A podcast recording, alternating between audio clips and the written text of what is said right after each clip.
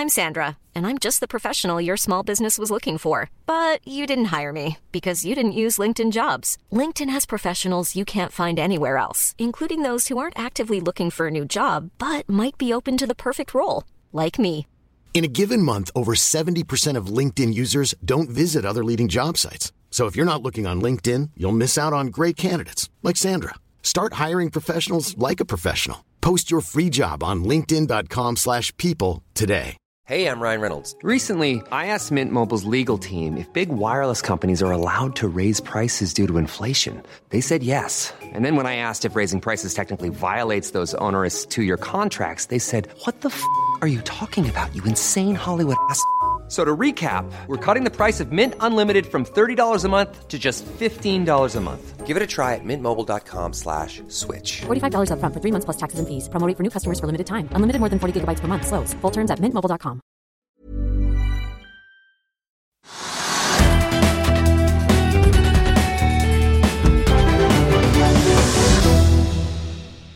Velkommen til Økonominyhetene. I dag besøker Snorre Storseth, administrerende direktør i Nordea Norge. Vi skal se nærmere på teknisk analyse av Kitron, men begynner her hjemme på Oslo Børs. Akkurat nå er vi eh, ja, vi se, ned 0,2 Trygve. Det er en flat børsdag i dag også. Ja, det var helt flatt i går, og så er det bitte litt ned nå. og eh, Det er få drivere i markedet, få nye selskapsnyheter og eh, egentlig veldig lite spennende. Og oljeprisen som jeg snakker om hver eneste dag, den har beveget seg litt opp. Så tatt igjen én dollar det fallet den hadde over helgen. Så da ligger lettoljen på 64 dollar per fat og Brenten på 73 dollar per fat. Ja, Den ligger vel fortsatt midt på 72-tallet? Ja, Sist gang ok. jeg, eller Vi ser Ja, kanskje den- på forskjellige oljekontrakter, Ja, ja, ja, det er mulig, men altså, den er, oljeprisen er litt opp igjen. Det betyr at de selskapene som vi mener er korrelert til oljeprisen, og som pleier å være det, sånn som da Equinor, er litt opp, og så Aker BP også litt opp. Men heller ikke mer enn litt. Liksom, så, de er da, ja, så, så det er få drivere i markedet. Så Det mest spennende som da skjer, er jo da Norwegian, som vi følger ganske nøye. ja. Den faller ganske kraftig. Den har vært ned 4 i dag og har sett 35 kroner. Og det er, jeg vil ikke si det er dramatisk, men det er jo da kommet en meglerguiding i går. Var det vel som du nevnte den? Var det 15 kroner eller var det 20 ja, kroner? HSBC som tok kursmål fra 20 til 15 Ja, kroner. ja. det er klart det er liksom litt skremmende i markedet. for da, Nå kan man ha forskjellige oppfatninger over hvor Norwegian går, men den har jo falt 90% fra toppen. da.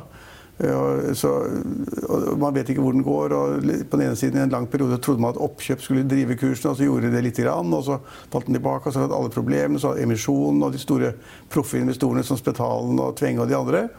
Eh, De er kanskje ute av aksjen allerede, sånn som Blystad er kanskje ute. det vet vi ikke, Men, men det er et sånn press nedover på aksjen. Så når du får da en meglerantydning om at kursen skal ned i 15 kroner, og da lå den rundt 40, og disse store investorene de kommer inn på 48 kroner per aksje, og nå, nå tredje aksjen til 35 kroner pluss.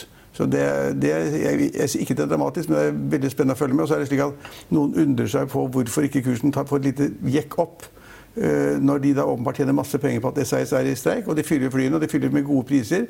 Selger ingen billett med rabatt, ingen sånne muligheter å bytte om, selv om det er fleksibillett. Du bytte om de engang. Eh, Så åpenbart så er det mye bedre margin på de billettene de selger akkurat nå. Men det har jo da bare vart en uke. Ja, SAS fortsetter å innstille fly Ja, for ja. morgendagen, og Norwegian fortsetter å sette opp ekstraavganger, så man skulle jo tro at det var virket positivt inn på selskapet. Ja, men det har de ikke gjort tilsynelatende. Men det kunne tenkes at hvis man ikke hadde den effekten, så ville det falt enda mer. Det vet man jo aldri. Så, så, men det er et press. og Hvis altså, streiken i SAS skulle vare lenge, når kursen på SAS har falt en 4-5% i dag, etter min mening med god grunn er Kjempeusikker. Altså, hvis streiken varer 1, 2, 3, 4, 5 uker, så er jo SAS ille ute, vil jeg tro.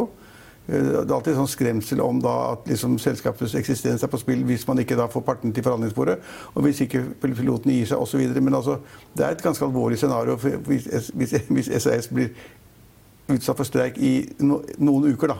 Nå er det iallfall en uke, det vet vi nå. De gikk, når var det de gikk til streik? Natt til fredag. Så da fredag, lørdag, søndag, mandag, tirsdag. Det er nesten en uke, det.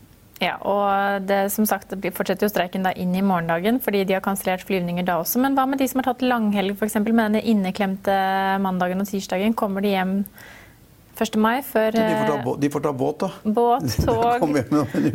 Sykkel. Vi kan godt fleipe med det, men altså, hvis du sitter strandet i utlandet, så er det en ganske alvorlig sak. og Folk flyr om Amsterdam og Frankfurt og finner nye veier, men folk finner jo veier. I går var det en sånn reportasje om noen som da hadde kommet med fly fra utlandet, kommet til Gardermoen, hadde ikke noen flight videre, og busset 17 timer til et eller annet sted på Vestlandet. eller sånn. Altså, det er jo en perfekt avslutning på ferie, å busse 17 timer. ufrivillig flyskam. Ja, Man kommer seg ikke på fly og må ty til andre det, det, som er, det som er interessant med Norwegian, er det at det er et stort selskap. De gjør masse riktig. De har hatt en emisjon som er ganske viktig for dem. Eh, De har en, eh, åpenbart en eh, god toppsjef i perioder osv. Så, så det er masse som skjer rundt flyselskapet, og det, er- og det er jo ganske spennende. Men jeg, tror, jeg vet ikke om jeg nevnte det, men jeg har jo da en venn som bor borti Jeg har et flyselskap, Bra, som het tidligere Malmö Aviation. Han har 20 fly eller sånn, og jeg skjønner ikke hvorfor han har 20 fly, men altså, han har arving etter opprinnelig Bråten i Norge. Og det er ikke bransjen du skal være i. Altså, Fuel-kostnadene går rett opp hele tiden, og konkurransen er stenhård. og Det er liksom priser hele tiden, og rabatter og greier. og og Han sa da opp i forgårs, det var litt mitt poeng nå, han måtte da si opp da 365 personer eller sånn, som da er på en måte bakkemannskapene rundt hans fly. Eh, Så flybransjen er kjempevanskelig. så man, Egentlig burde man ikke være der. så kanskje, og Det er egentlig et eh, uforståelig sak at disse proffinvestorene, disse raske investorene, da, Spetalen og Blystad og Tvenge og noen flere, at de på en måte gikk inn i emisjonen uh, i, i Norwegian, det er fremdeles en gåte for mange. Selv om de fikk tegnesettet kjøpt med kjemperabatt av Kjos. Ja, og bare litt tilbake til olja. olje. Altså Stig Myrseth, den forvalter vi eh, skriver mye om på hegnar.no, og også i Finansvisen, han mener jo at det der oljegrepet til Donald Trump med å kvele Irans eh, oljeeksport er et farlig spill. Kan bli krig av sånt. Ja, det kan jeg ikke nok om, men, men, men det som er interessant, er jo det at Trump prøver faktisk å påvirke oljeprisen ved det å tvitre meldinger om at nå har jeg ringt til OPEC. Jeg vet ikke hvem han snakker til da, men det er iallfall ingen sekretær går ut fra. Men han har ringt til OPEC for å få, olje, for å få oljeprisen ned. Og det har ikke hjulpet foreløpig. Foreløpig står de ned et par dager, så tikker den oppover igjen. Eh, og det er mange som nå spår oljeprisen i 80 dollar eller 50, 85 dollar per fat osv. Men han får jo ikke til det. Men det er klart at hvis han skal ta livet av Iran altså da Eksport av olje skal være lik null, sa utenriksministeren forleden. Null. Eh, og det har vært sanksjoner i lang tid, og så har det vært unntak fra sanksjoner. Åtte land har vært unntatt fra sanksjoner. Skal, alle land skal inkluderes, og de skal ned i null. Det er klart, det kan jo kvele Irans økonomi. Og hvis, hvis et presset land av den type som da lever av oljeeksport, på en måte blir presset for mye, så kan det tenkes at det stenger Hormuzstredet. Og da vil, vi få, altså helt, eh, da vil vi få tilstand innen tankmarkedet, bl.a. Det oljemarkedet som vi hadde da i 70-årene. Hvor da, liksom, da gikk oljeprisen helt himmelsk opp, og så gikk alle tankrederne selvfølgelig ned. For det var ingen som fraktet tank. Og så gikk alle tankrederne i Norge og resten av verden stort sett konk. De kom seg ikke igjen heller, eh, før kanskje litt ut på 80-tallet. Fra tank til tørrbulk, vet du hvor mye Capesize-raten er opp den siste uken? Litt, men ikke mye. for jeg ser Gordon og- 77 Hva? 77 er Ja, ja, men var det veldig lavt, lavt, lavt, veldig lavt nede, da. Så, så Gordon Ocean har vært opp 5-6 Ja. og, det, og det er en liten spekulasjon i at tørrlast blir bedre, og da er det noen som går inn i Gordon Ocean, særlig det. Ja, og så har vi fått tall fra Elkem, som stiger på kvartalstallene sine i dag. Jeg vet ikke om det er tallene analytikerne eller markedet er mest eh, begeistret for. Det er noen som peker på at det er kostnadskuttene som Ja, kan, kan lyder om- bedre. Ja, det er et veldig spesielt selskap, jeg kan ikke nok om det. Men Skal kutte kostnadene med 500 millioner kroner. Folk var misfornøyd med tallene, i hvert fall. Ja, Aker Solution har også sluppet tall. Det sender aksjene opp nesten 3% Trygve. De fikk et resultat etter skatt på 149 millioner mot 105 millioner kroner i samme kvartal året i forveien. Samtidig fikk de et inntektshopp. Det er bra. Det liker kanskje Røkke. Det er han sikkert. Da skal vi, skal vi si at det var hovedtrekkene før vi skal snakke mer om bank. Jeg tror det var hovedtrekkene på Oslo Børs i dag, i hvert fall. Ja, Vi har straks med oss Norgessjef i Nordea, Snorre Storseth i studio. Vi tar med oss oljeprisen. Brent-dollaren er nå opp 0,06 til 71 dollar til 9 cent. Dagsomsetning på Oslo Børs er ikke oppdatert. Ja.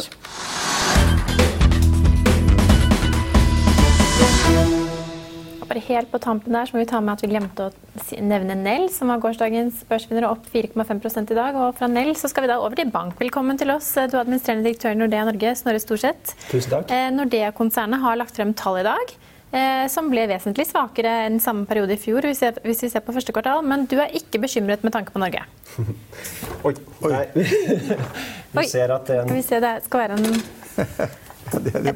Ja, der. Ja. Nå er jeg tilbake. Eh, Nei, nei, men Før du hoppet i Norge, du må jo eh, Skal få lov til å kommentere. Det var, det var jo veldig dårlige tall for konsernet Nordea. Ja. Det var 50 ned. Altså, jeg, følger jo ikke Nordea, selvfølgelig.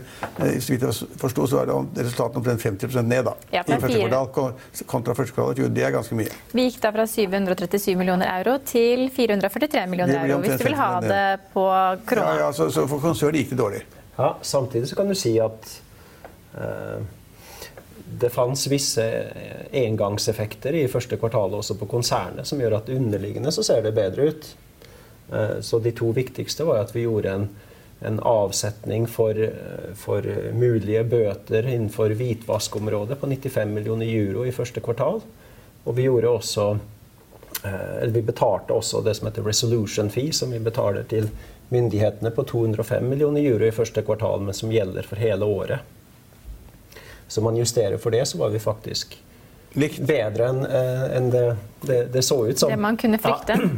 Og sammenligna med, med, i fjerde kvartal så så vi at inntektene gikk opp med ca. 4% og kostnadene ned med 7% Så vi ser jo at vi har operating leverage, som da er iallfall inne i en positiv utvikling på konsernet også.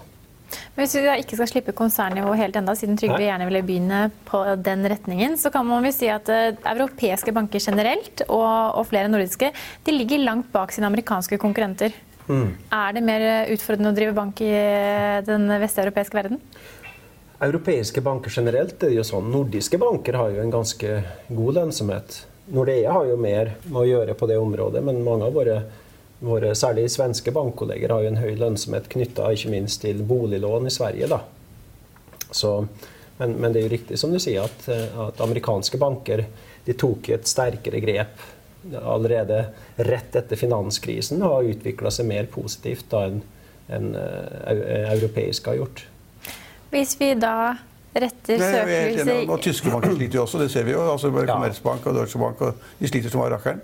Og tyske banker er jo veldig komplisert for i og med at de har de her Landesbanken osv. som da aksepterer en ekstremt lav lønnsomhet, eller ingen lønnsomhet. Eh, og det gjør at det er tungt å drive bank i Tyskland. Det så vi jo SEB eksempelvis også avvikla jo sin tyske virksomhet etter hvert, med utgangspunkt i at det var, var vanskelig å få en god, god drift der. Men da er det deilig å være sjef for Nordea Norge, for her er det jo helt eh, himmelsk. Her er det, her, kan, her er det kjempelett og ingenting feil. Ikke noe tap og stor, bra rentemargin og tjene penger og Her er det lett. Til, alt, alt, ingenting er lett, men det er tilsynelatende veldig lett å drive bank i Norge. Ja, du kan si I og med at Norge går bra, så går jo også, også Nordea bra i Norge. For banker er jo et speilbilde av samfunnet de er en del av. så så det er jo en ønskesituasjon sånn sett. å få være det, ja, så istedenfor for, for å ta større avsetninger, så tilbakefører dere avsetninger på tap osv. Det er riktig. Ja, ikke taper dere på boliglån, ikke taper dere på næringslivslån. Og, Ja, det er, ønskejobben er å være sjef for Nordea i Norge. ja.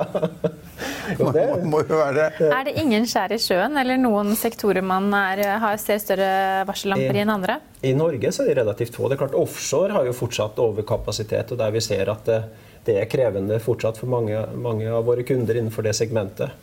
Men om du, om du, ser bort fra det, så er det stort sett grønne lamper overalt. Ja, Det er jo et lite segment. Ja. Det er et viktig, selvfølgelig viktig innen shipping, også, men det er et lite segment i det totale bildet av, ja. av utlån og sånn. Men det, det, er uvanlig bra. Og, og, særlig når du ser på verden rundt oss, der du ser at da de er en annen del av konjunktursykkelen enn det som vi er her i Norge. Så de, de, er på en måte over toppen og litt på vei nedover, mens vi fortsatt har full gass framover. Ja, og dere gjør det jo, Et av de områdene dere gjør det godt på også i første kvartal, er jo boliglån. Det kan jo også kanskje henge sammen med at dere da kjøpte opp Gjensidige Bank og fikk en større utlånsportefølje? Det er sant. Vi, vi, I og for seg har vi tatt markedsandeler på boliglån også forrige kvartal, og vi fortsetter med det i dette kvartalet uten Gjensidige Bank. Men når du da legger Gjensidige Bank på toppen, som vi da kunne gjøre fra 1.3, når vi fikk, fikk stengt den transaksjonen, så blir det en stor økning. Så ved utgangen av mars så hadde vi jo på privatsiden 20% mer utlån enn vi hadde ved utgangen av mars i fjor. Hva sier det om det norske boligmarkedet, det, hvis dere har så, såpass stor utlånsvekst til nettopp bolig? Ja, det, det, har, det, er jo en viktig del av, av alles privatøkonomi, stort sett. da, en, bo, en, egen bolig. så Derfor så, så, er det jo ganske naturlig. og Vi ser jo at selv om boligprisutviklingen har jo vært litt ja, Den har flata ut litt i forhold til hva vi har sett en del år den har vært positiv, men, men, da mer moderat. Og vi forventer jo også at det kommer til å være relativt flatt resten av året. Men til tross for det så er det jo da en stor etterspørsel etter finansieringsbevis. Og det er også mange som bruker de finansieringsbevis som de får til å kjøpe, kjøpe bolig. Så det er høy aktivitet i boligmarkedet. Jeg ser at det øker innen boligsektoren, og kanskje tar markedsandelen. Dere, dere sier det, men det har ikke peiling på. Ja, vi gjør det eh, faktisk. Ja, okay. men, men, men, men, er det mulig å tape på boliglån i Norge i dag? Altså, det er veldig lite tap. Det kan jo ikke være tap, liksom, for det er jo godt pant. Og så er det et marked som tar, kjøper de boligene som eventuelt blir misligholdt, eller hva det måtte være. Ja. Det nesten, kan jo nesten ikke være mulig å tape på de boliglån. Det er noen selvfølgelig, men altså, ikke, ikke i volum som preller. Det er veldig lite tap på ja. Ja. Men er det stor konkurranse? Det er jo flere av dine nordiske konkurrenter som har lagt frem tall i dag. Og vi, vi, vet jo at eh, med tanke på at vi nå er inne i et uh, klima hvor renten skal opp, at flere boliglånskunder også da ser på muligheten for å skifte bank og gjør det så raskt de bare kan hvis de kan forhandle seg til en lavere rente. Må, hva, mm. hva, hvordan jobber dere for å slå ut konkurrentene? gjør de det? Skifter folk bank? Ja. Altså, man snakker om det, men gjør de noe særlig? Det... Det, det, det, er jo ikke så mange som gjør det, men det, ja, men skjer. Hvor mange, mange av er en ut... 1 eller en halv prosent? Eller hva, hvor stor andre er de som skifter bank i løpet av, av antall låntakere, hvis de er to millioner eller tre millioner? Ja. Hvor mange er det som skifter bank i løpet av et år? Det er en relativt liten andel, så kanskje 3-4 totalt okay. for markedet. Ja. Men med økte boliglånsrenter, Trygve, så er det ganske mange som shopper rundt for å få lavere Da må vi få fasit. Ja. Det, har dere økt boligrenten? Boliglånsrenten? Ja, de fleste banker har jo Etter at eh, Norges Bank satte opp renten, så har jo de fleste banker også økt renten mer eller mindre tilsvarende. Og deres økonomer tror jo faktisk på flere rentehevinger enn mange av de konkurrerende megler- og bankhusene. When you're ready to pop the question, the last thing you want to do is second guess the ring. At Bluenile.com, you can design a one of a kind ring with the ease and convenience of shopping online. Choose your diamond and setting. When you find the one, you'll get it delivered right to your door. Go to Bluenile.com and use promo code LISTEN to get $50 off your purchase of $500 or more. That's code LISTEN at Bluenile.com for $50 off your purchase. Bluenile.com code LISTEN. I'll see you in court. Vi sier det ofte litt på spøk, men for deg som driver business, er det aldri moro å innse at du ikke har laget en 100% gyldig kontrakt. Du bør ikke risikere hele firmaet ditt fordi du synes dette med kontrakter er litt stress. En avtale er ikke en avtale. Du kan miste kunder, miste venner, ja, til og med miste inntekter om du ikke lager en skikkelig kontrakt, på alt mulig, egentlig. Men vi vet det er et styr, kopimaskiner, tregprinter og haugevis av papir. Dessuten stoler vi jo på folk her i landet. Det er ofte litt kleint å skulle be om en signatur for alt mulig, ja, for mye av styret handler også om jakten på underskriften.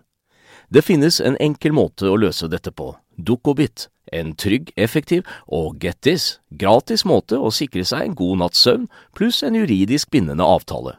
Dukkobit-appen har de strengeste sikkerhetskrav i bunn, samt en EU-godkjent og sertifisert teknologi. Framover vil det bli behagelig å spørre du, skal vi skrive under på det, eller?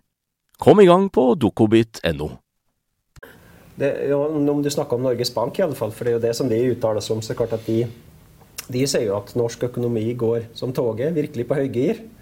De ser også at arbeidsledigheten er lav og er heller på vei nedover enn oppover.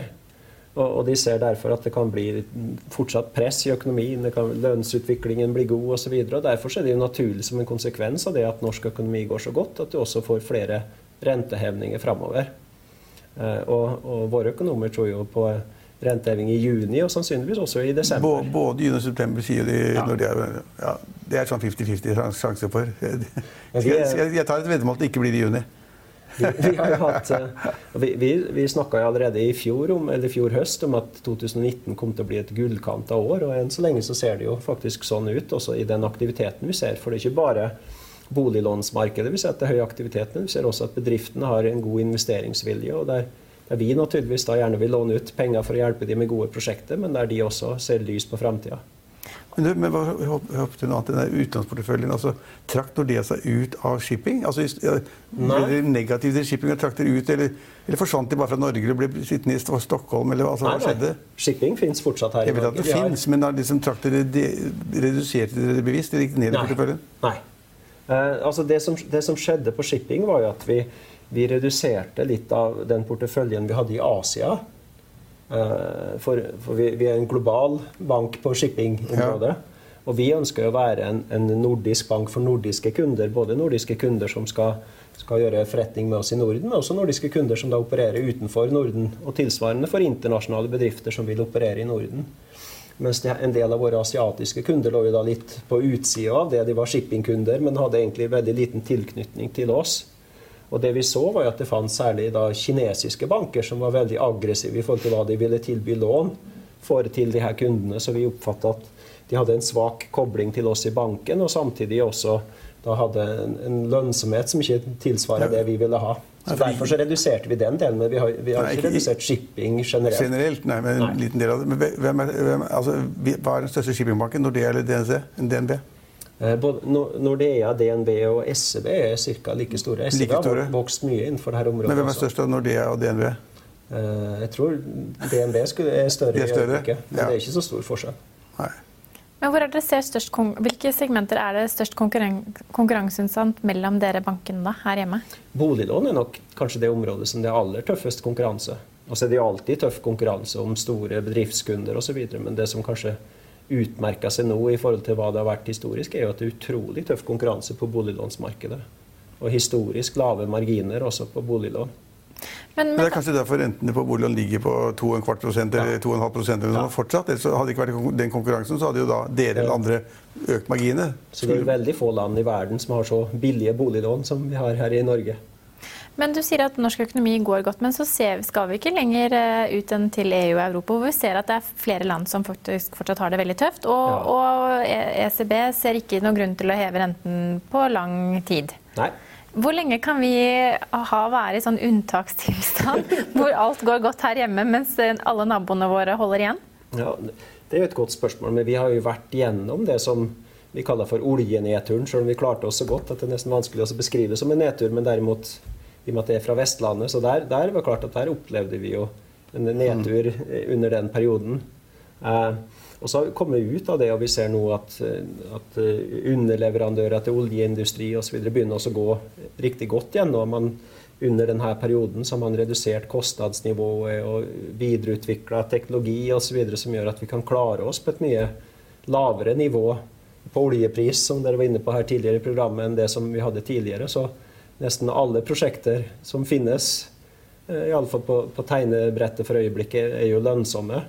Så derfor så kan vi jo klare oss en bra tid framover, lenger enn hva man tror, tror jeg, i forhold til at vi kan ha en god utvikling i åra som kommer. Men, men bare litt tilbake til den konkurransesituasjonen som vi er inne på. Altså, øh, det, er, det er helt riktig at rentenettoen er relativt lav. og margi, altså, Boliglånsrentene er lave. Altså, alle ser jo det. Ja. De som har lån, ser det. og sånn. Det er nesten ikke grunn til å skifte bank, for det er så lavt, øh, like lavt overalt.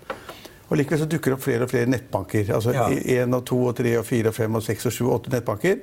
Og de tar, nå har Jeg har aldri lånt noen penger der, men jeg innbiller meg at de rentene ligger på 12-18% eller sånn nå. Ja, Forbrukslånsbanker. Ja. Snakker du ikke om vanlige nettbanker, tror jeg? Nei, men jeg tenker på forbruk, Ja. ja. for, ja, forbrukslånene. Og, men hvordan kan de da Altså Dere er store, og dere vil ha kunder, og dere vil ha større, flere kunder i boligmarkedet, dere vil ha flere kunder i bedriftsmarkedet osv. Men hvordan får de lov til å vokse sånn uten at dere gjør noe? Ja, eh, der kan du jo si at vi, vi har nok Dere vil også, ha- du vil også ha 16 hvis du fikk det.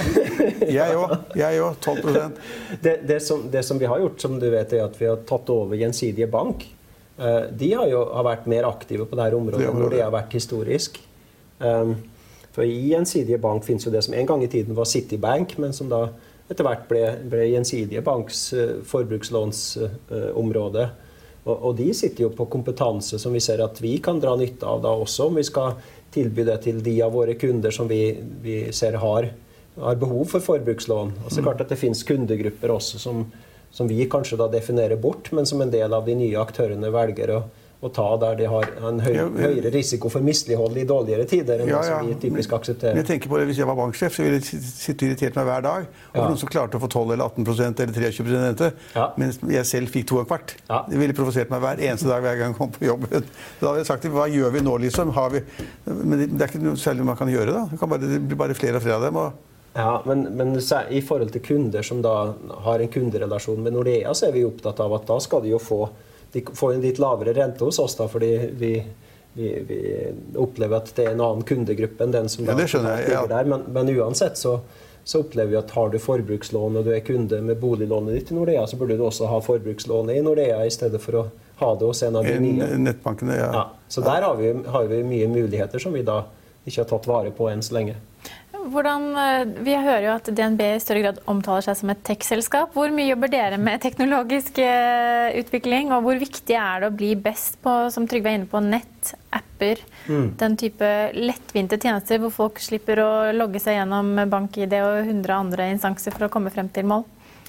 Jeg tror kundeopplevelsen i alle fall er utrolig viktig. Og så er det litt avhengig av hva du definerer som tech-selskap. Vi, Vi har jo investert mange mange milliarder, som sikkert du vet, i alle fall i å bytte ut all teknologisk infrastruktur i Nordea.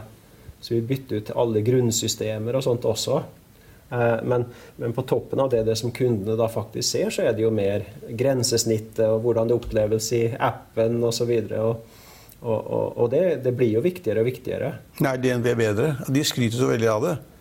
Ja, kan si Vår app har høyere rating ja, men når, i ja, ja, men Rune Bjerke sier at dette er tech-selskap, ikke sant? Altså, ut med alle folka, inn med alle som kan, alle som har med tech å gjøre. Så, da legger han listen ganske høyt, da. Ja. Og, men dere, dere mener at dere er samme gode medvinnende eller driver de samme tingene, er like gode? Ja, det, det skulle nok tørre å påstå. Men vi har litt ulik approach. så det, det er litt avhengig. Og dere er kanskje fortsatt komfortable med å kalle dere en bank? Ja, vi kaller oss en bank, faktisk. Um, og vi tror jo at det, det fins mange grunnleggende behov som en bank oppfyller, som du ikke skal glemme bort. Så det blir altfor mye fokus bare på teknologien. Vi må finne også hvordan vi kan løse de problem som vi, vi er der for å løse, både for samfunnet og for våre kunder. Og så er jo teknologi et veldig viktig hjelpemiddel. Og det vi har valgt å gjøre også, er at vi åpner opp, fordi vi har jo ti millioner kunder eh, i, i, fire land. Og, og, da ser vi at vi er ganske interessant samarbeidspartner for mange av de som da er nye teknologiselskaper. Så vi har, bygd vi For to år siden så åpna vi noe som vi kaller for Open Banking. Eh, en utviklingsplattform som man da kan utvikle løsninger for våre kunder. Så vi har ca. 2500 teknologiselskaper som faktisk bare da knytter seg opp til oss, sånn at de kan, kan hjelpe våre kunder med ulike ting, da, med hva det måtte være som de ønsker å bruke de til. Men vi tror jo at vi kan være mer den portalen i forhold til å, til å sikre alt som har med sikkerhet og med med kvalitet og stabilitet osv. Og så gjøre. Og så kan jo vi som er kunder hos oss, også få tilgang til om det nå er Apple Pay eller Google Pay eller Fitbit Pay Vips. eller Vips. Vips har de også. er, ikke det DNB? er ikke det DNB, da? Eh, det var DNB fra starten. Ja, ja. Swish er jo svenske konkurrent. eller svenske løsning. Ja. Sirto heter den i Finland, og MobilePay i Danmark. Ja. Det er Berit Svendsen er sjef nå, ikke sant? Ja, Vips International. Ja. ja. Men la oss si at man skal forhandle seg ned, ned på boliglånsrente hos Nordea. Hvordan gjør man det, da? Vi, vi, vi, gjør jo en individuell bedømning av en enkelte kunde, så det handler jo først og fremst om hva har du for betalingsevne, betjeningsevne for lånet, og hva har du for sikkerhet. Og, ja, men må du, må, du, må du, gjøre det manuelt? En vanlig, vanlig sånn, uh, kredittvurdering? Eller går ikke det på data? Eh, jo, det, det, er jo støtta ja, altså, mer, mer av data. Må, jeg regner med at Eline, Hvis hun skal ha ned boliglånsrenten sin, så må hun gå inn på data så fyller hun inn inntekt og formue eller ligningstallene. og så men det kan jo være så altså, enkelt som at man har ja, fått et bedre snakke, tilbud hos nabobanken. Nei, må, du snakke, må, du snakke, med noen når det er for å få renten ned, eller kan du bare gå inn på data og gjøre det selv? Du kan gå inn på data og gjøre det sjøl, men, men, da er det jo med utgangspunkt i, i det som er, listeprisen som, som ja. finnes der. Da. Så vi forsøker jo å være konkurransedyktige der også, men om du da mener at du har helt unike fordeler som gjør at du burde forhandles helt annerledes enn alle andre. Så. Jeg tenkte vi bare skulle få noen innertips her, nå som Trygve skal, skal ut og hente nye boliglån. Nei, nei, men, altså, men jeg, måtte, jeg, må, jeg, måtte, jo for, for, forleden fornye Amex-kortet mitt. American Express. Ja. Fordi at det, DNB har hatt det, har drevet med det, og de gidder ikke lenger. Og så har de gitt det fra seg eller tatt det fra dem. I don't know. Og da måtte jeg øh, fornye kortet. Da måtte jeg søke da, for å bli kredittverdig å få MX-kortet, måtte jeg søke da opp i ligningstall og formuestall og noen sånne andre tulletall. Og da kom jo svaret på tre sekunder. Ja. Da skjønte jeg jo at den kredittvurderingen er jo helt, altså helt mekanisk. ikke sant? Det er ikke noe som i gamle dager. Sendte du bare en kopi av Kapital 400 rikeste-listen, siden det gikk så fort? Eller? Nei, nei, jeg måtte fylle ut faktisk ja. noen okay. rubrikker. Men poenget er at det gikk helt sånn det gikk på ti sekunder når man først skjønte hvordan det skulle gjøres. Ja, og I Norge så har vi jo et veldig godt samarbeid med det offentlige. Så, så et, ja, man, får ta, man, får, man, går jo og henter alle registrene. Samtykkebasert lånesøknad der du kan da hente ned alle opplysninger. Hente inntekt og formue. Ja. Jeg vet ikke om man nå får vi ikke tilgang til mislighold eller sånn, det tror jeg ikke, men det får man det nye med gjeldsregister. så kommer det sånn. Men, men, så jeg innbiller meg liksom at nå går alt omtrent på, ja. på data. Nesten alt. Ja, det gjør jo det. Så det blir jo mer og mer digitalt. så og så får man da beskjed om, sånn som i gamle dager hvor det var kredittvurdering opp og ned, så får man da beskjed om at hvem som har, altså, de som har foretatt kredittvurdering, de gir deg beskjed om at de har kredittvurdert deg. Selv om det går på data, så får de beskjed om det. Ja. Det er ikke noen person som men, du, men, men, eh, men Eline skulle nå vite hvordan hun fikk ned boliglånsrenten din. Det er så, det er så, det, det er så trivielt. Men, men du, du, hvis jeg husker helt rett, så har du også vært sjef for eh, Nordea Wealth Management. Ja, det er fortsatt. Det er Asset Wealth Management. Ja, nettopp. Det er sånn privatkundebevaring ja, er, men, altså Det har alltid vært snakket om i alle banker og alle finansinstitusjoner at man skulle ha den avdelingen, og de rike kundene skulle komme. Man skulle ta seg av dem og løse deres problemer. og bla bla bla. Men, men er det noe volum over det? Ja, vi, om du ser i, i Nordea, så har vi ca. 85 milliarder euro i, i private banking. Private banking-delen? Ja, ja. Så har vi 300 milliarder euro i hele Asset og Wealth Management. Så hva er det de stort sett da ber om hjelp til? Til banktransaksjoner eller til å Nei, det, det er en veldig bred eh, liste av, av, deler. Men det er klart at en del av det er jo hvordan du da strukturerer din, din økonomi. Jo, jo. Det kan være generasjonsskifter. neste generasjon. Jo, det, altså, er den type problemstilling som er fortsatt gjeldende. Altså, at ja, de kommer til din avdeling og sier at jeg, jeg har 100 millioner, jeg skal gjerne ha hjelp til et arveforløp eller arveditten eller ja, en, en, del av det. En annet går jo på hvordan du da faktisk da investerer de penger du har også. Det er jo mange som da sette bort det i diskresjonær forvaltning til oss, eksempelvis ja. også. Ja, I tillegg til som da vanlig fondsforvaltning, ja. så er det da i wealth management en, en forvaltning her, er, det også. Her er, en større er det noen eksotiske ting der? Eller er det bare ja, Jo, det fins jo. hva, hva kunne være typisk, hva er en eksotisk tjeneste innen den, den delen av banken, da? Eh, det kan jo være at du er interessert i impact investing i private equity, eksempelvis. eller... Mm. Jo, Man hører ofte om det, men liksom man ser veldig sjelden liksom, hva det egentlig er. da. Ja, og, og, det er en stor forskjell faktisk i Norge kontra de øvrige nordiske landene. For, for, i Norge så er jo sånn at private banking er jo fortsatt veldig lite i forhold til om du ser på hvilke kunder som da faktisk skulle kunne ha nytte av en sånn tjeneste, om du ser iallfall oss som tjenesteleverandør, ja, ja. og, og, og, hvor stor andel som faktisk har en sånn relasjon, så er det ca. en tredjedel som har det i dag. Så to tredjedeler har, har fortsatt ikke den typen av relasjon med sin bank. Men en tredjedel har det? Ja. Mens i, om du ser i de øvrige land, så er det veldig nær 100% som har Får de høyere renter? Eh, på innskudd? det, det, det, kan også være vilkår som er, som er Trygve er veldig opptatt av innskuddsrente, og jeg er veldig opptatt av boliglånsrente. ja, jeg, får, jeg får 0,9 i DNB ja. Eh, år ut og år inn. Her er alle lag av samfunnet representert. Tusen takk for at du kunne være gjest hos oss i dag. Da skal vi videre til teknisk analyse av hovedindeks brentolje og valuta.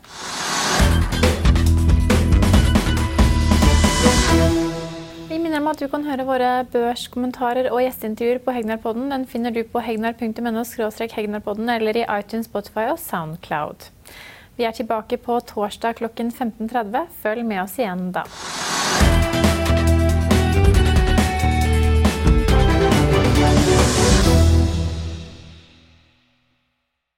Økonominyhetene er en podkast fra Finansavisen. Programledere er Marius Lorentzen, Stein Ove Haugen og Benedikte Storm Bamvik. Produsenter er Lars Brenden Skram og Bashar Johar.